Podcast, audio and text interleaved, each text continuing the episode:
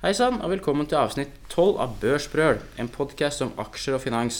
Jeg heter Thomas, og i dag sitter jeg her med Per Gunnar Tronsli, daglig leder i Bouvet. Men før han slipper til, ansvarsfraskrivelsen. Alt som blir sagt i denne podkasten skal bli oppfattet som markedsføring. Gjør alltid egen analyse. Historisk avkastning er en garanti for fremtidig avkastning. Investeringen kan gå både opp og ned i verdi, og det er ikke sikkert du får tilbake ditt innsatte beløp. Så da sitter vi i gang. Per Gunnar, varmt velkommen. Tusen takk for at du ville være med. Ja, tusen takk for at jeg ble invitert hit. Du, det er hit, Vi sitter hos dere, da, så det er det er kjempebra. Jeg må ikke kaste bort tida di, fordi eh, i BOES er timer viktig, og folk viktig, så det skal vi være effektive på. Men kanskje du kan begynne med å si litt om deg sjøl og din bakgrunn, så vi blir litt kjent med deg før vi går videre på, på BOE. Ja, er, jeg har jo hatt gleden av å jobbe i BOE i 13 år, så det er jo en vesentlig del av min bakgrunn. Men hvis vi går helt tilbake, så er det jo studiebakgrunn fra, fra USA. Og så har jeg alltid jobba med IT og digitalisering. Så jeg eh, første 15 år av mitt arbeidsliv så jobba jeg jo mye internasjonalt i amerikansk virksomhet. Og så, så, har det jo blitt noen år i Telenor. Og så har det vært norske IT- og konsulentvirksomhet. Alltid begynt på teknisk side, og så blir det prosjektledelse og salg. Og så blir det mye ledelse. Så Når var det du tok steget helt opp i BOE? Det er ikke så mange år siden? Nei, det er jo Det begynner jo Det er litt over to år siden. Ja. Så det har jo vært eh, Det har jo vært helt fantastisk, egentlig. Lærerikt så det holder. Ja, det er litt sånn der vanskelig. Husker jeg, jeg har vært aksjonær i BOE i mange mange år. og og, når, når Sverre Hurum slutta, han, han var jo ordentlig bra mann. Ja. Det her blir vrient, liksom. Du erstatta med du verden. Det har gått virkelig bra så langt, altså. Ja, eh, jo jo, det har gått bra. Eh, Jeg skal jo være ærlig på det at eh, det også gå etter Sverre Det er sånn at du føler at det er store sko. Du kan snu deg i de skoa. Så, men jeg, vi er jo veldig glad for åssen det har eh, gått. Det har vært, eh, det har vært eh, to gode år. Absolutt. Så det har vært eh, Og som jeg sa, det har vært utrolig lærerikt. Og så er det jo eh, Dette handler jo om det er, Bouvet er jo egentlig et stort lag. Så det er jo det som har gjort at dette her eh, går bra. Ja, nå har dere bikka 2000 ansatte, men eh, før vi går videre på det Bouvet-navnet, hvor, hvor kommer det fra? Ja, Det er jo en litt kul historie. at da er vi tilbake Vi fylte jo 20-året nå i år. Ja. Så da er vi tilbake på dotcom-tida, ikke sant? Eh, og, det, og Bouvet har jo sitt utspring av, eh, av Mandator og Cell Network osv. Og, så og så skjedde det masse. Det er en lang historie, så den skal jeg ikke ta. Men det ble jo kjøpt ut, og så skulle man starte en egen virksomhet. Og da skulle man jo sette et navn på det som handlet om noe som var norsk, selvstendig, hadde en frihet og egenrådighet. Ja. Så da tenkte man mye rundt ulike navn, da, og så havna man faktisk på Ronde. Oi. Ja, og, og det gikk så langt at det var registrert i Brønnøysundregistrene osv. Men så har det, sånn, har det seg sånn at Ronde er et beskytta navn i Norge. Ja. Og så måtte man reversere og finne på noe nytt. Og da var det en av disse som var med og starta Bouvet, som hadde et stort Historien sier i hvert fall.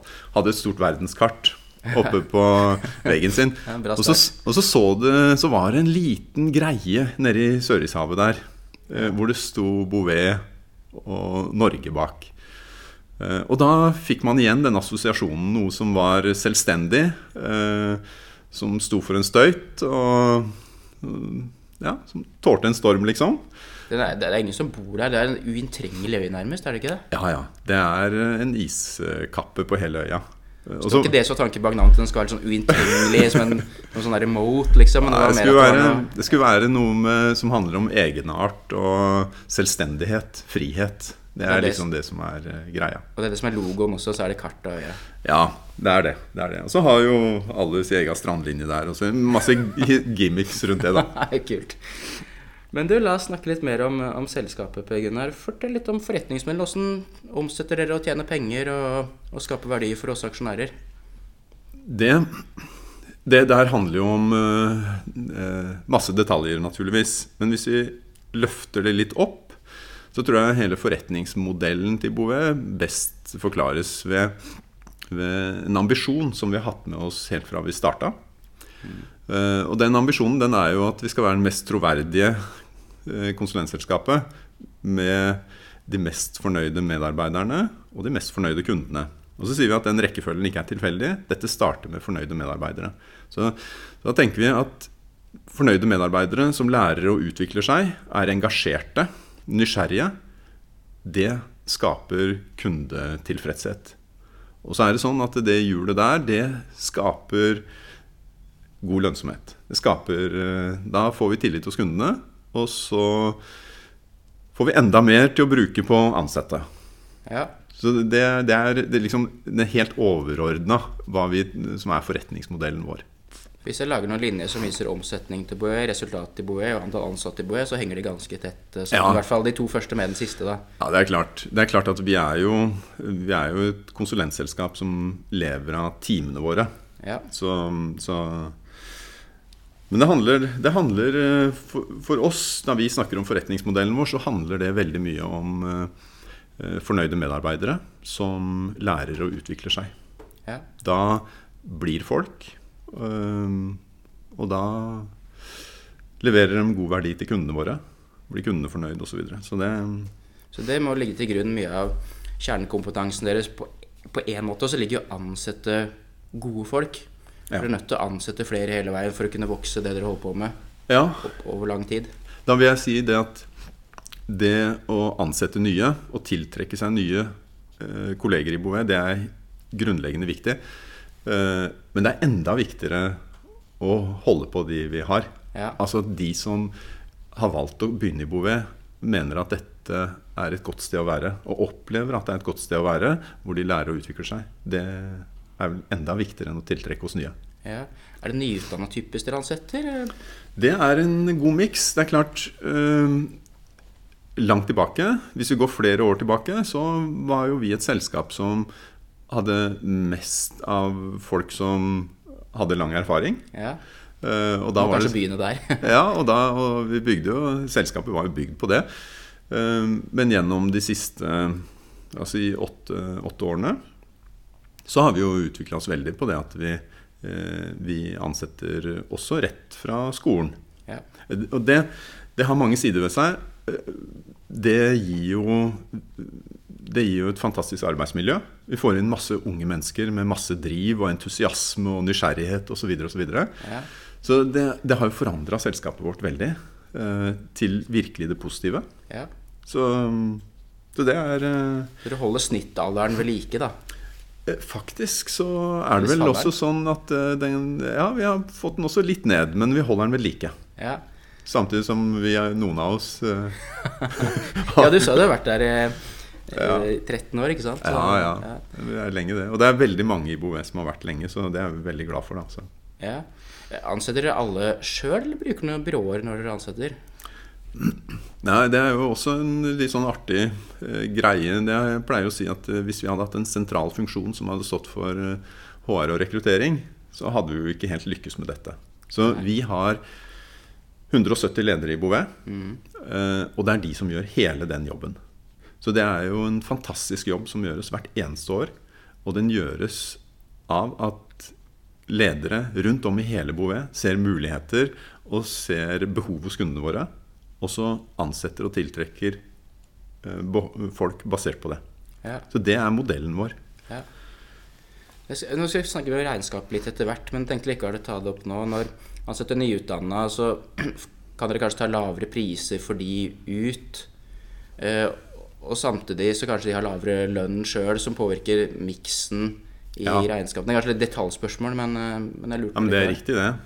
Det, er riktig, det. Så det er klart eh, Det påvirker liksom Hvis du tenker på sånn lønnsmasseutvikling, Ja. så, så er det en eh, Det er helt riktig. Men det som, handler, det som er aller viktigst da vi ansetter folk som kommer rett fra skolen, det er jo at vi har prosjekter av tverrfaglig karakter hvor vi får dem fort ut i arbeid. Hvor de skaper verdi fort for kundene, og vi får rask inntjening på. Det er det aller viktigste. Ja, for det har jeg tenkt på. Hvor, hvor lang tid er en ansatt i Bouvet, hvis han er nyutdanna, da, Ja. før dere kan begynne å fakturere timer? Det gjør vi Med en gang? ja, vi gjør, ja, ja veldig, veldig raskt. Altså vi, for noen år siden så tok det jo Da hadde vi jo Vi snakket om noen ganger flere måneder. Eh, nå snakker vi vel heller om dager og uker. Ja. Så det går veldig fort. Så dere har egentlig ikke noen investeringer på noen måte sånn sett? Ja, vi investerer i kunnskap Ja. og folk. Ja. Eh, Så nei da, det så, Men dette handler jo om at vi er um, blitt flinkere til å levere hele team. Tverrfaglige team. Vi har blitt um, Vi har fått større oppgaver hos kundene våre som gjør at vi kan raskt introdusere folk med annen erfaring inn i teamene. Ja. Det Hvis du skal beskrive sånn typisk Bouver, hva ville du sagt da? For det første så vil jeg jo si at eh, det er jo innmari flinke folk. Ja. Det er jo helt eh, lamslått liksom eh, av all, all kompetansen som er i Bovere. Eh, så er det jo noe med eh, kulturen her. Altså dette er jo eh, Dette er jo veldig Jeg opplever veldig sånn jordnære og veldig uformelt. Ja. Um, og, så folk som tiltrekkes av liksom det mer uformelle og det jordnære, det, det, det treffer du mange av i Bouvet. Ja. Um, og så treffer du folk som er opptatt Uh, av å dele, eh, lære av kolleger og dele med seg av sin egen kompetanse. Eh, og egentlig eh, hjelpe, hjelpe andre, hjelpe kolleger. Så en veldig sånn du, en, Den gjengse Bouvet er en veldig sånn fellesskapsorientert eh, person. Og så er det vel det at de er engasjert i samfunnet. Altså at det vi skal drive med, det gir mening. ja. Det, det tror jeg er gjennomgående for alle boere. Kan vi ikke ta det litt derfra videre på eh, prosjektene deres, for de er ganske meningsfulle, mange av de. Hvis du kan fortelle, kanskje ta fram to-tre caser på hvordan dere skaper verdi for kundene deres, da. Det er Ja. mange ulike kunder som er i ulike faser, og Ja. hvorfor eh, går de til Bouvet og sier dere må hjelpe oss? Ja, altså Hvorfor de eh, går til Bouvet, det, det, det tror jeg liksom, det, det har jeg vel svart på. Det er Ja, flinke folk. Ja, ja. Men hva vi gjør eh, Så kunne jeg vel kanskje tatt to eksempler som, som opptar ganske mange av oss, egentlig.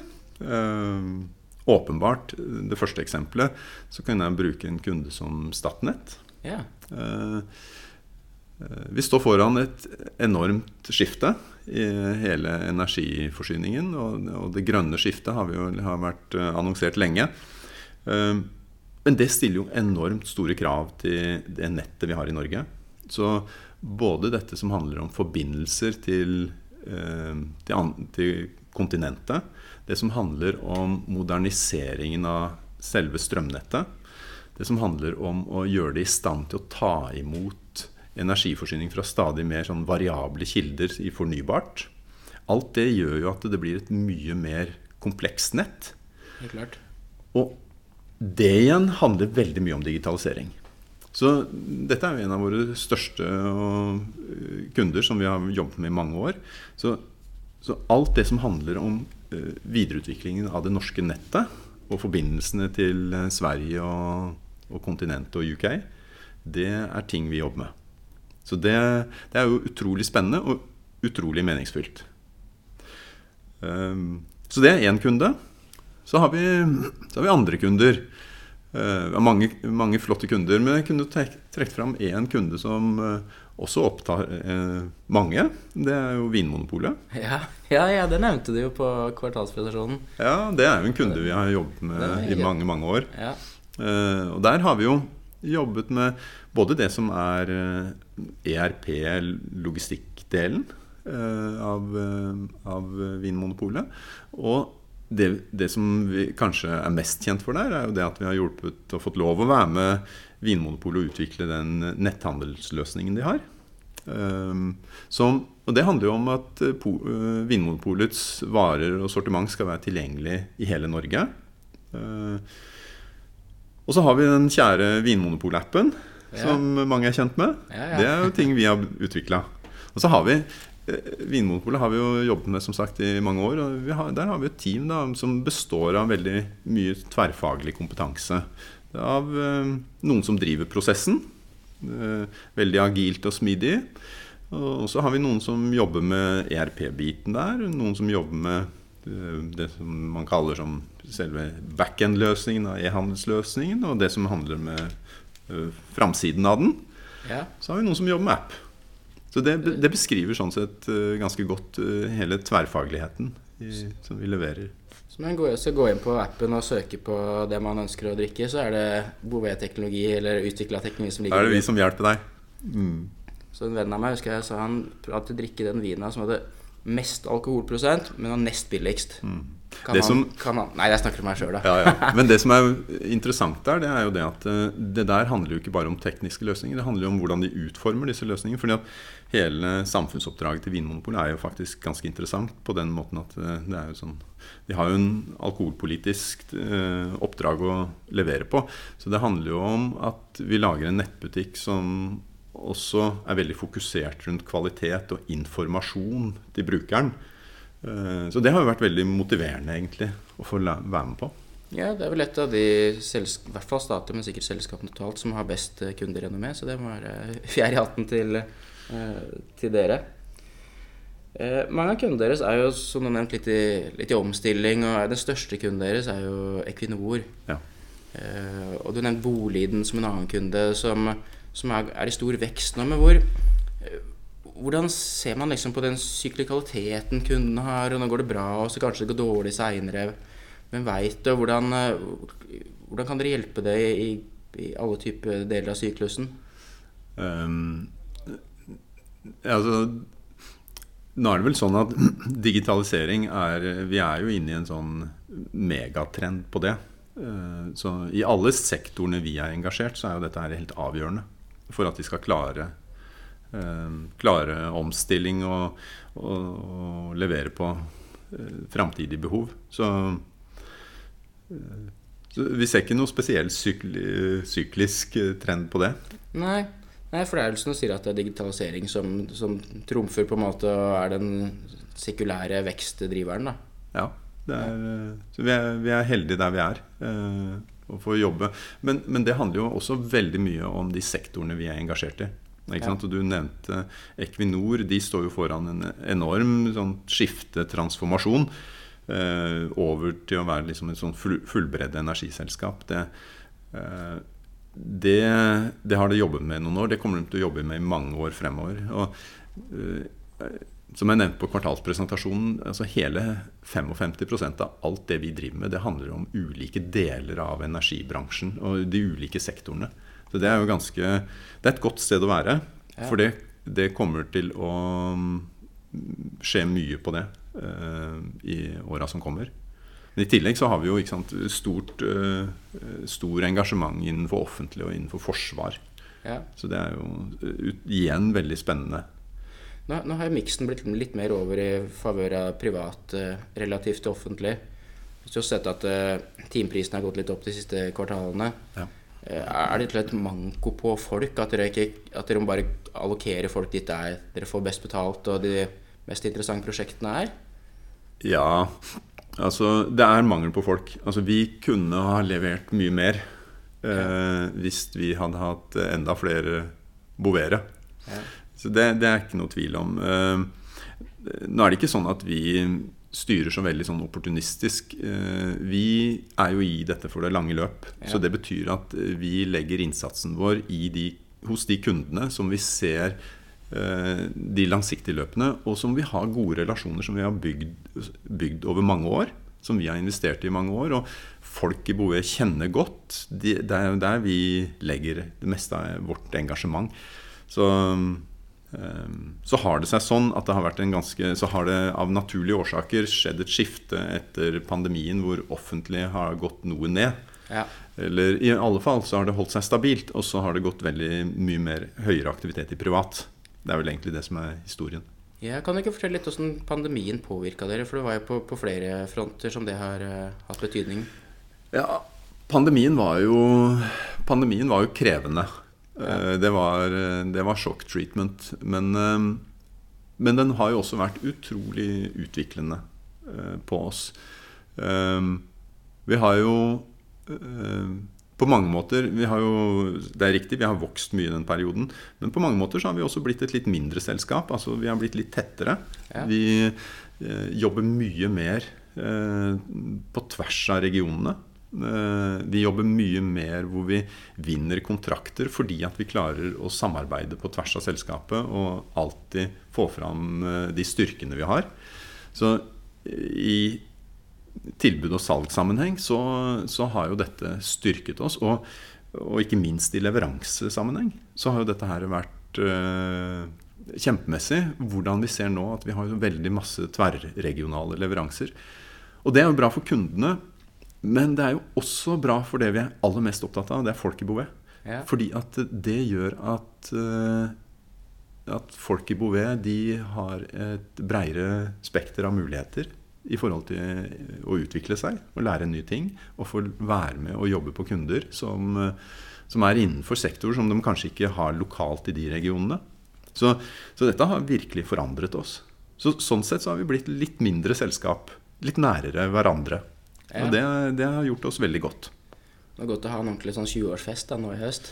Ja, det var, det var helt fantastisk. Det var jo Det er jo vi feirer jo eh, vi var, Du var jo på Boe, snakka om Bouvetøya. Vi feirer jo den her uavhengigheten vår eh, hvert år. Og, og pga. pandemien nå, som har vært i flere år, ikke sant? Så, så, var dette første høsten hvor vi kunne feire skikkelig. Ja, ja. Så da fikk vi endelig brukt uh, masse penger som vi, som vi har venta på å bruke på folk. Jeg tenkte du skulle og ha det gøy. En, en Bover var festglad, tenkte jeg du skulle si i stad. Jeg så i regnskapene. Ja, ja. ja det var veldig lunt. Ja, nei, men det, det, må jeg si. Altså, det var en stor glede og at vi kunne ha det. Og, og oppleve bare gleden av, folk hadde på å reise på tur sammen igjen. Så Hver region reiste jo på litt sånn forskjellige turer. Så, men det var, det var kjempegøy. Det, var, det tror jeg satt, folk satte enorm pris på. Ja, det, det tror jeg på. Hvis vi går opp videre, altså, Det har skjedd mye i verden de siste året. Det kom jo krig for ganske nøyaktig et år siden. Hvordan, eh, hvordan har det påvirka dere som selskap? Du, det det har påvirket altså, Jeg sa at folk i Bouvet var samfunnsengasjert. Og det er klart at det har påvirka også mennesker. Altså det som skjer rundt om i verden. Så det, det, det er jo fryktelig. Men som virksomhet så har det jo det har, eh, det har, påvirket oss på en måte hvor, eh, hvor, vi har forstått betydningen av det vi står i. Eh, veldig mange av våre kunder som jeg sa, de jo leverer jo samfunnskritiske tjenester. Så dette med betydningen av det vi leverer, og fokus rundt sikkerhet, det, har, jo, det har jo kommet veldig tett på oss. Ja. Det er klart En av de tingene for eksempel, vi jobber med på Equinor, er jo systemer som håndterer gassleveransene til Europa. Ja. Så, eh, så, etter at russere har slutta å levere gass til Europa, så er jo hoveddelen av den gassen som leveres, kommer jo fra Nordsjøen ja. og Norge. og det, det, er jo Equinor, og så er det, så er det Bouvet-team som jobber med de løsningene. Så det, det forteller litt om det, eh, det, hva skal jeg si, opplevelsen av betydning. Definitivt. Ehm, det samme gjelder for øvrig innenfor ehm, Vi var innom Statnett, altså betydningen av sikkerhet. Ja. Det, det, har blitt, det, det, har kommet veldig tett på oss. Um, I tillegg så er det jo sånn at vi har jo opplevd verdien Det kundene opplever av verdien med hele vår modell å levere på. Vi har jo alltid utviklet oss med uh, lokale leveranser. Um, så så, så, vi jobber jo med veldig mye med Du kan godt si hele totalforsvaret. Med, med, Forsvaret, med det som gjøres f.eks. bare også det vi gjør på Kystverket, som handler om seilingen og navigasjonen langs eh, norskekysten. Eh, det vi jobber med innenfor politi og justis. Det vi jobber med innenfor nødnummer osv. Så, så, så, så vår leveranse eh, med Bovere, som er lokalt forankret, som vi har jo veldig mange boere som er sikkerhetsklarert pga. alt vi gjør med Forsvaret. Ja. Så har jo vi på mange måter opplevd at kundene har satt enda mer pris på akkurat måten vi leverer på. Ja, nærheten. ikke sant? Man nærheten. bare setter ikke ut et team til India lenger. Og... Nei, så alle disse konkurrentene våre som har uh, hatt veldig gøy med offshore og nedshore og alt dette her, ja. det har vi aldri drevet med. Uh, vi har alltid trodd på det nære. Ja. Uh, det, viktigheten økt nå? Ja, det har virkelig viktigheten økt. Ja. Du nevnte konkurrenter. Hvem- er de nærmeste og, beste konkurrentene? Eh, snakker ikke så mye om konkurrenter, vet du. Nei. Men, eh, men det er ikke noe hemmelighet hvem de er. Det er Ja, Vi kjenner vel til, eh, til noen av de. Ja da. Hvis man skal se litt på vekst videre i Bouvet Dere har jo eh, mesteparten av i Norge, så er det et lite team i Sverige. Eh, Kan man se, og dere har jo åpna kontor, var det i Florø og Var det Tromsø, eller husker jeg feil nå? Nei, ja, du husker riktig på den siste. Tromsø. Ja. Og så Førde. Å, sorry. Jeg kjenner en som er derfra. Han blir sinna på meg nå. Ja, og, så, og så har vi gjort uh, lite kontor også i Skara i Sverige. Ja. Hvor, Eh, hvor i det- Sverige er det? Det ligger sånn, litt sånn mellom Stockholm og Göteborg. Ja. Jönköping-trakten. Ja. Liksom inni der. Jeg skjønner. Eh, det har jo vært veldig bra. Eh, det har jo eh, alle, for å si det sånn Alle de etableringene der de har jo vært eh, kjempefine. Og, og de jobber jo på kunder som, som også ikke er lokale. Ikke sant? Fordi at Næringslivet er jo litt ulikt. Det, det er ikke stort næringsliv i noen av de stedene, egentlig. Men, men eh, det er lokale kunder. Men vi har også hatt muligheten pga. måten vi jobber tverregionalt, da, til at de teamene de jobber på kunder fra andre deler av Bouvet. Ja. Kan dere, ser du for deg at dere ekspanderer videre i Sverige med flere kontorer, eller flere folk på kontorene dere har? Eller har dere nok å gjøre med å vokse i Norge, eller er det andre Nei, ting? eh, vi, vi har mye å gjøre med å vokse i Norge, men eh, vi skulle gjerne fått enda mer vekst i Sverige. Ja. Det, det, det er klart. Så det kommer vi til å jobbe med.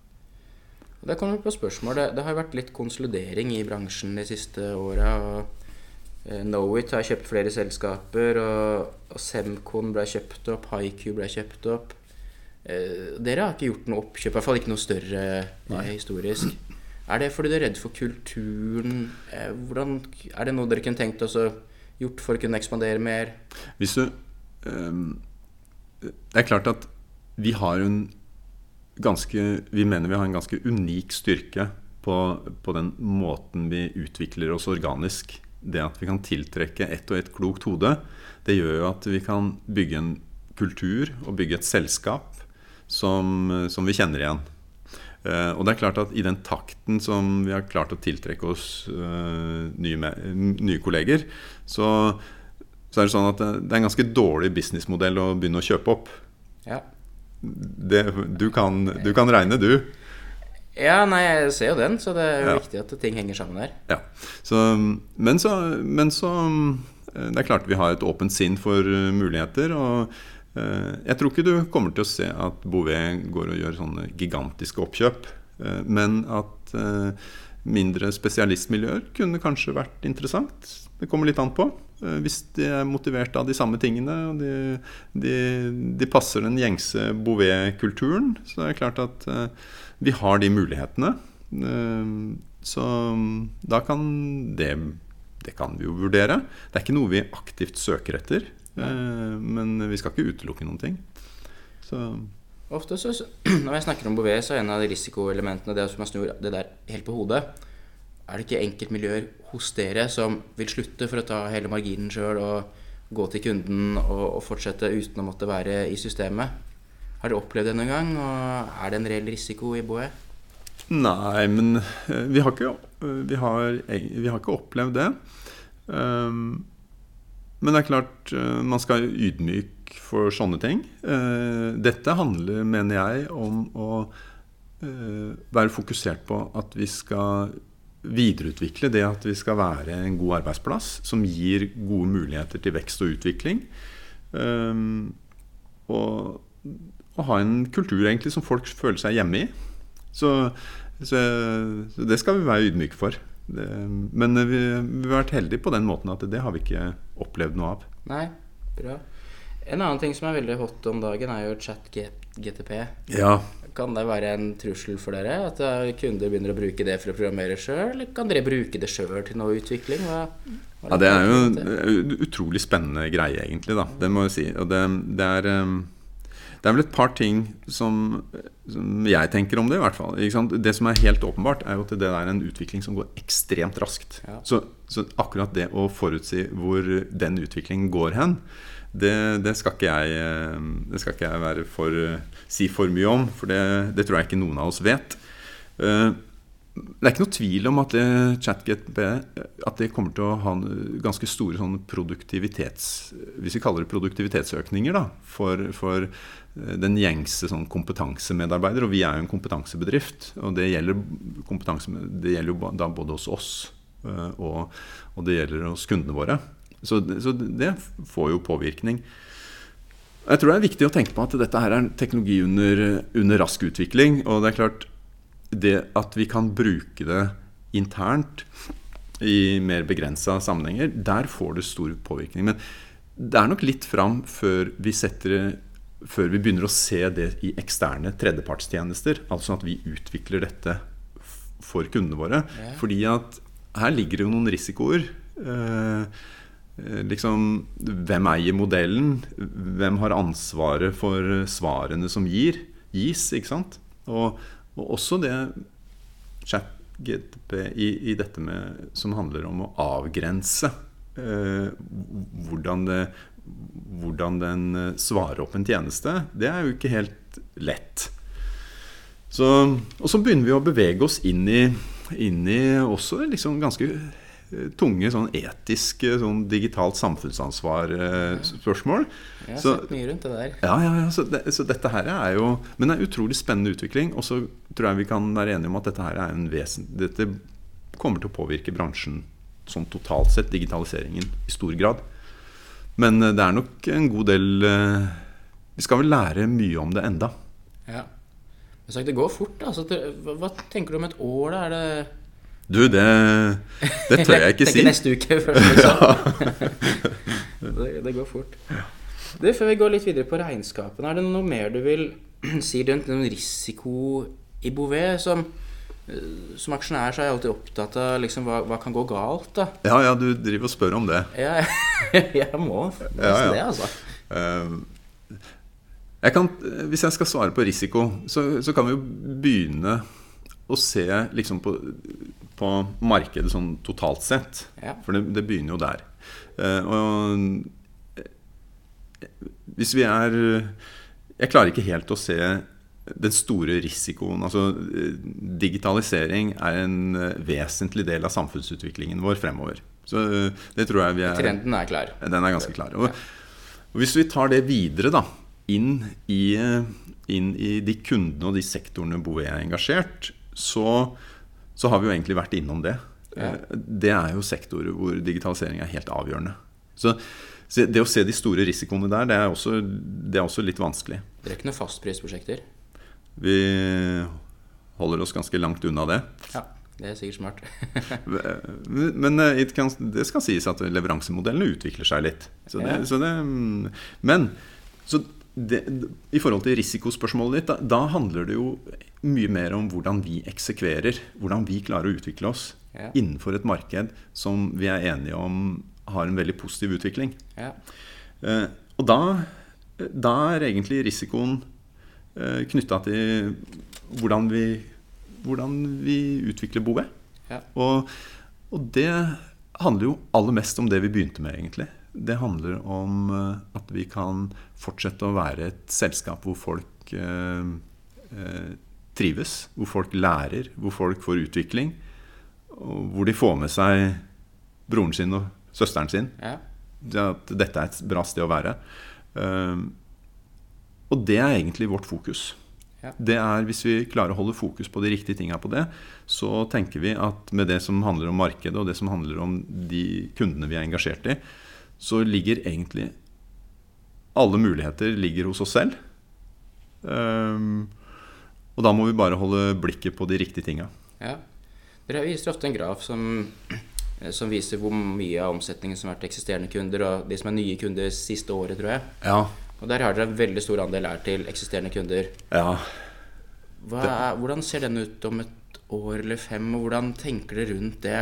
Er dere for lite hissig på nye kunder, eller er det sånn at de kunder dere allerede har, har så mye behov at dere prioriterer det for det er eh, mest optimalt? Altså, eh, som jeg sa, vi, vi Hadde vi hatt enda flere boveere på laget, så hadde vi klart å levere enda mer. Ja. Um, så er det jo sånn, og og det er jo også vår velsignelse, det er at vi har kunder som, som eh, ønsker stadig mer. eh, Som utfordrer oss på at vi må levere tjenester på litt andre områder også. Og det er sånn vi har vokst. Det er sånn vi har utvikla oss. Vi har, vi, har jo, vi har jo hele tiden vokst med kundene våre. Og sånn som dere analytikere, dere, eh, du har jo vært innom det, og noen andre har vært innom det. At dere spør om risiko på det. Ja. Eh, vi tenker jo helt motsatt på det. Ja. Fordi at for oss så har vi tenkt på det som muligheter. Det at kundene legger mer tillit hos oss, det gjør at vi kan ta større ansvar. Det betyr at vi tar, eh, får engasjere oss enda dypere i forretningen til kunden. Ja. Det har vært hele grunnlaget for at det blir en enda bedre læringsarena for Bovere. Så, og det gjør at det er lærerikt og godt å være i Bouvet. Vi får enda mer interessante oppgaver å løse. Så for oss så har det vært hele, hele løsningen liksom, på utviklingen av Bouvet. Ja. Så, så, det, så det risikoperspektivet ved det, det, det har ikke vært noe dominerende bekymring hos oss. Nei. Ok, Skal vi så hoppe litt til, til ikke direkte masse sånne regnskapstall, men hvis jeg ser på når dere skal vokse omsetningen, eh, som er det vi starter på toppen, da, så er det jo litt sånn enkelt antall folk ganger timepris ganger utnyttelsesgrad. da. Ja. Litt sånn enkelt. Ja, ja. Og der antall folk er jo det helt klart viktigste, selv om de andre også Den siste betyr noe kanskje litt sånn opp og ned, og timepriser sikkert positivt over tid, men litt varierende. Men klarer å ansette nok folk framover til at dere klarer å opprettholde en, en tilfredsstillende vekst? Er det vanskelig å få tak i ansatte? Må dere betale de mer? Gi de enda mer spennende oppgaver? Klarer dere å få til uh, Altså Det, du veit, det spørsmålet uh, Det lurer jeg på innimellom også. Ja. Eh, og det som er ganske spennende da, det er liksom hvordan vi, hvordan vi klarer, og hvordan alle disse lederne i Bouvet jobber med å løse det spørsmålet. Um, og hittil så har jeg lurt på etter hvert kvartal, jeg, hvordan gjør vi det neste, år, neste kvartal, liksom. Men det er noe med den måten vi er skrudd sammen på, at eh, vi er jo et veldig sånn, hva heter det, desentralt type system. Eh, så vi har jo innmari mange engasjerte ledere som jobber hver eneste dag med å eh, både beholde og tiltrekke nye. Um, så jeg kan vel ikke si annet Vi driver jo ikke og guider og gir deg prognose på hva som skal skje fremover. Men for hvert kvartal vi har eh, fått besøk av deg, så har vi jo fortalt at det har vi lykkes med. ja. Så det er vel egentlig planen. Du vet, jeg har hacka dere, ikke sant? Har du det? Ja. Jeg går på, på LinkedIn, så ser jeg mange som sier de jobber i Boe, sammenligna med kvartalet før. Ja, du gjør det sånn, ja. ja, Det blir ikke nøyaktig, da, men det er en indikasjon. ja det er en indikasjon. Men ok, altså Hvis vi hopper videre ned til marginen, da, så, så har marginen ble jo veldig høy under covid. eh, Fordi dere hadde, fikk Ja. ikke brukt så mye penger dere ville da på, Ja. på kursing og utvikling av ansatte på den måten dere gjorde det før. Så da gikk marginen opp, fordi omsetningen fortsatte jo sånn som det skulle. Og så har jo på et vis kostnadene kommet litt tilbake nå, når dere kan sette i gang igjen med de gamle aktivitetene. Og så har dere fått økte timepriser. Marginen er fortsatt nesten like høy som den var under covid. da, Så var det kanskje litt sånn regnskapsteknisk også i, i sist kvartal. Men, men hva tenker du er en langsiktig margin for et selskap som Bouvet? Det er sant det du sier. ikke sant? Altså, eh, Covid gjorde at vi ikke fikk brukt like mye penger som vi skulle ønske. Og det, det var vi jo veldig tydelige med på alt vi presenterte. At nå skulle vi ønske vi kunne brukt enda mer på kompetanseutvikling eh, og på folk, og ha det gøy. Eh, så ga pandemien seg, og så begynte vi å kunne bruke penger igjen. Ja. Det, det var jo himla bra. Men, eh, men så har, som du sier, så har marginen holdt seg ganske godt. Eh, det har jo Det har jo noe med at det er ikke alle kostnader som kommer fullt tilbake. Eh, så det er klart at vi reiser kanskje noe mindre, for vi har blitt flinkere til å samhandle litt sånn digitalt. Never waste a good crisis. Ja, ikke sant? Så vi lærte litt der. Vi lærte mye på å samhandle på tvers av, av selskapet. Men så er det en annen ting som har vært eh, Som bidrar til at eh, det, eh, den marginen ikke har utvikla seg noe negativt. Og det er jo det ekstremt egentlig høye aktivitetsnivået Ja. som vi har eh, på alle kundene våre. Så det virker som om hele om det, det har kanskje ikke noe med pandemien å gjøre, men eh, etter pandemien så har vi jo gjennomgående hatt veldig høyt trykk fra, fra alle kundene våre. Så det er en veldig aktivitet. Og det har jo bidratt til å holde marginen der. Men vi har jo aldri Vi sikter ikke Og du er jo, du er jo investor også, så eh, jeg sier jo ikke at eh, vi kommer til å pushe eh, den lønnsomheten videre til himmels, liksom. Vi har alltid sagt at så lenge vi leverer over 10% så syns vi det er en fair ambisjon. Og nå har vi ligget litt over, og så får vi se åssen det går. Ja. Men vi tror, vi tror, da det gjelder lønnsomhet, så er det fryktelig viktig å tenke at vi tenker langsiktig. Eh, Og langsiktighet for oss, det handler om hele tiden å huske på hva er det som driver egentlig denne butikken. Og det handler om, det handler om folk igjen. Ja. Så vi er nødt til å bruke eh, den lønnsomheten på å investere i kompetanse og, og bygge fellesskap og kultur, egentlig. Ja. Det er det. Da blir vi en langsiktig god ja. Syns jeg ikke forventa sånne advokattimepriser fra dere framover? Nei, det tror jeg ikke du skal forvente. Nei, det er greit. Derfor jeg justerer regnearket mitt. Ja. Siden eh, børsnoteringen i 2007 så har Boe-aksjen gitt en avkastning på 26,8 eh, som jeg sjekka i stad. Hvert år. Eh, et, jeg, jeg klarte ikke å skjønne hvordan jeg skulle sjekke opp mot alle andre, men det må være en av de absolutt beste aksjene man kunne eie siden dere kom på børs i mai 2007. ja. Så du har jo fortalt om, om Bouvet, men hvorfor får ikke Bouvet mer oppmerksomhet som investering når dere har gjort det så fantastisk godt? Har du noen Ja. refleksjoner om det? Du Ja. eier aksjer sjøl, gjør du ikke? Ja, ja, ja. Altså, eh, jeg, bare for å si det, ja, jeg eier aksjer sjøl. Og jeg, vi har jo et aksjeprogram. Ja, det må du fortelle om. Det er Ja, veldig ja. interessant. Ja, eh, jeg tror, hvis jeg bare tar sånn eh, Hvis du ser på hele ja, eiersiden i Bouvet, så eksisterende ansatte og tidligere ansatte, tror jeg nå, Det er fare for at jeg er litt sånn upresis på tall, da, men eh, så er det en sånn 30 ish Ja. som eies av eksisterende ansatte og tidligere ansatte. Så det er vi kjempeglade for. Mm. Så jeg har fulgt eh, dette aksjeprogrammet for ansatte hele tiden.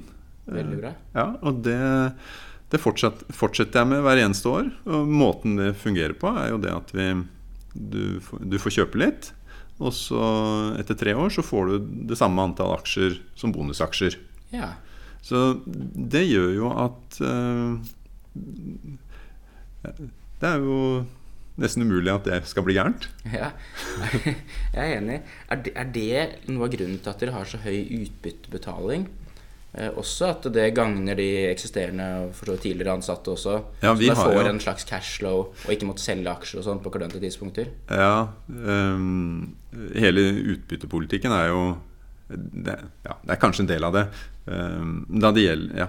Um, Ja. men, men det er klart, da det gjelder egne ansatte, så, så er jo overskuddsdelingen vår også en sånn vesentlig bit. Hvor vi har hvor vi har Alt er jo teambasert og fellesskapsbasert i Bouvet. Ja. Så vi har jo ikke disse individuelle insentivordningene. Ehm, så, så det er klart det er, det er viktig både det at vi tilbyr eierskap, så du, du eier din egen lille bit av Bouvet. Det tror vi er viktig. Og så at vi deler overskuddet likt. Det tror vi også er viktig. Ja. Så begge deler handler jo om er på et vis litt delingskultur i alt dette her. ja. Uh, og en ganske stor uh, ja, en fellesskapskultur. Ja. En ting jeg, som jeg ofte lurer på, er Du som er daglig leder her, eh, hvor opptatt du er av aksjekursen? Sånn ikke fra dag til dag du sjekker den opp en tiøring eller ned, men altså, tenker du at det, kursen er altfor lav eller altfor høy for den saks skyld? Hva er det må markedet tenke på nå? Eller er det sånn du bryr deg ikke, du sjekker en gang i året maks? Eller eh, Eh, Nei, jeg har, for, bare for å si det Jeg har et avslappa forhold til aksjekursen. Og jeg, følger ikke hver dag. Nei. Mm, eh, Bra. Men jeg følger oftere enn én en gang i året. Ja. Det skal jeg være ærlig på. Når det er sagt, så er jo vi Jeg er jo først og fremst opptatt av Hvis vi tenker langsiktighet, og det er det som er først og fremst hos oss, så handler det om at vi bygger Hver eneste dag så er det en liten stein til lasset. Ja. Det er det viktigste fokuset vi kan ha. Så så det er, det det er grunnleggende fokus. Altså fokus på det som skaper verdiene. Eh, Og så må jeg jo innrømme det at eh, noen ganger etter at vi presenterer, syns jeg, da eh, og, eh, er utrolig stolt over det denne organisasjonen skaper. Ja. Og da, og da jeg er så heldig å få lov å dele det med marked og dere. Noen ganger så syns jeg vi får litt, litt eh, Ja, noen ganger så syns jeg det responderer bra, andre ganger så syns jeg at det kunne respondert litt annerledes. Men, men sånn er det vel. Ja, men det der er jeg helt enig i. Det, dette er det jeg jobber med, så jeg burde kunne litt om det, tror jeg. da. Og jeg har lært at avkastning kommer ujevnt. Ja. Det kan være flatt, eller det kan gå ned i to år, og så kan det være en måned eller to som er fantastiske, og så kan det være helt dødt igjen. Eller motsatt. da, som er liksom, Det er som du sier, veldig viktig å være langsiktig. Jeg er veldig glad for at du sier det. Bouvet er jo den største investeringa vi har i First Veritas, som jeg forvalter, og veldig glad for de tankene du deler rundt langsiktigheten. da. Eh, Utbytte har vi snakka om. Tilbakekjøp av aksjer har jeg eh, tenkt på her. Er det noe dere har vurdert utover å kjøpe tilbake uh, i forbindelse med aksjekjøpprogrammet, men, men kjøpe tilbake aksjer som en form for endring av kapitalallokering? ja. Hvis, du, altså hvis man tenker at aksjekursen er ganske lav, ja, man har ikke noe annet å investere i for at dere har de, dere ansatte folk, så begynner de å jobbe, og så ansetter flere folk, og begynner å jobbe. Så det er ikke noe, du skal ikke bygge noen fabrikk, da. Nei, nei. Nei, vi har jo ikke, vi har ikke vært noe aktive på det. Nei. Så, um, så jeg, jeg vet ikke Jeg har egentlig ikke lyst til å si noe om det der. Nei, nei, men det, det, det er helt i orden. Jeg kan spille ett spørsmål til slutt, eh, Per Gunnar. er, Hva er det liksom folk ikke skjønner av Bovet? Hva er det du liksom Når andre snakker om Bouvet, enten det er fra finansmarkedet eller folk flest, eh, hva er det de ikke skjønner av Bouvet som du tenker åh, det er helt opplagt, det er det vi holder på med hele tida? Ja, men du veit Jeg veit ikke om jeg svarer på spørsmålet ditt, men da folk ser oss utenifra, så ser de jo et flott selskap Ja. eh, med en fantastisk utvikling. Ja. Eh, og så tenker de nok kanskje på oss som en litt sånn Som en god del andre. Jeg har jo et helt annet forhold til Bouvet, og jeg er bare så imponert over Dette er jo, dette er jo, på, dette er jo et selskap som er veldig eh, tufta på eh, eierskap hos den enkelte. Og, og vi har eh, den veksten og utviklingen vi har, den er veldig tufta på den enkelte avdeling ser muligheter og, og tar muligheter. Og da vi lager våre forretningsplaner hvert år, så er det ikke sånn at jeg sitter her i Sørkedalsveien og lager store regneark. Det er ikke noe av det. Vi utfordrer hele organisasjonen, og så ser vi hva kan dere få til? Hva, hva, hvis dere drømmer Det er eh, sommerdag, og det er vind i ryggen, og det er solbriller på, og dere har hjemlengsel. Hva kan dere få til? Og så sender vi den utfordringen til hele dette systemet. Og så lages det noen planer, og det summeres opp. Og da vi ser de summene der, så, de, så er det en stor ambisjon. Og så sier vi det går vi for. Hva det tallet i år? Det er, det, det er jo interne hemmeligheter. Men det, Ja, som er, det, som, som er fantastisk, det er at vi pleier ikke å være så langt unna det. Og jeg skjønner ikke helt hvordan det skjer, men det handler om eierskap og entusiasme og drive gjennom hele organisasjonen. Ja, den desentraliseringen. Den desentralisering. Det, det er det jeg tror ikke folk helt forstår om Bouvet. Nydelig. Tusen takk for tida di, Per Gunnar. Tusen takk skal du ha. Ok.